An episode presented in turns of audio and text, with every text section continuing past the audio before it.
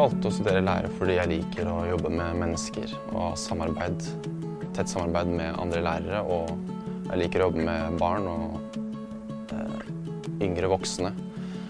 Her i Lupe så holder vi på med veldig mange forskjellige idretter. Og det tror jeg er fordi at vi skal bli trygge på så mange som mulig og få en innføring av de korte trekk. Og det innebærer basketball, innebandy, svømming og friluftsliv.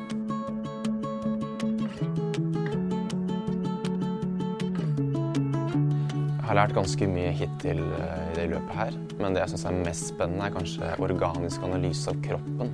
Som innebærer eh, hvilke muskler og hvordan musklene blir bygd opp eh, til ulike øvelser og bevegelser.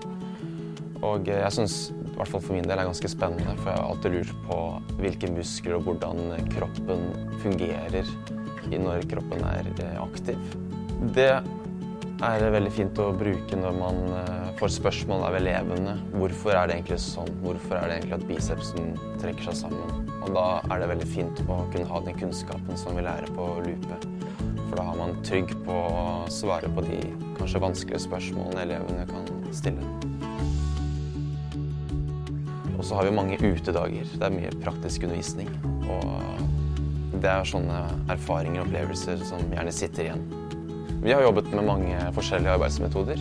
Og eh, det som er kanskje mer særskilt på lærerutdanning, er at man skal ha fokus på samarbeid. Så det er mye gruppearbeid og muntlig arbeid, men også skriftlig.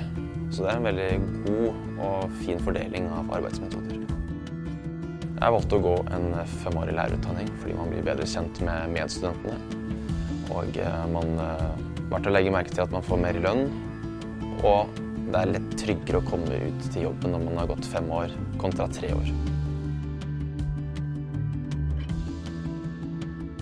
Om du liker å jobbe med barn og mennesker generelt, og være i aktivitet, er interessert i kroppen, hvordan den fungerer, så passer det godt til å søke lupeutdanningen her på Oslo OsloMet.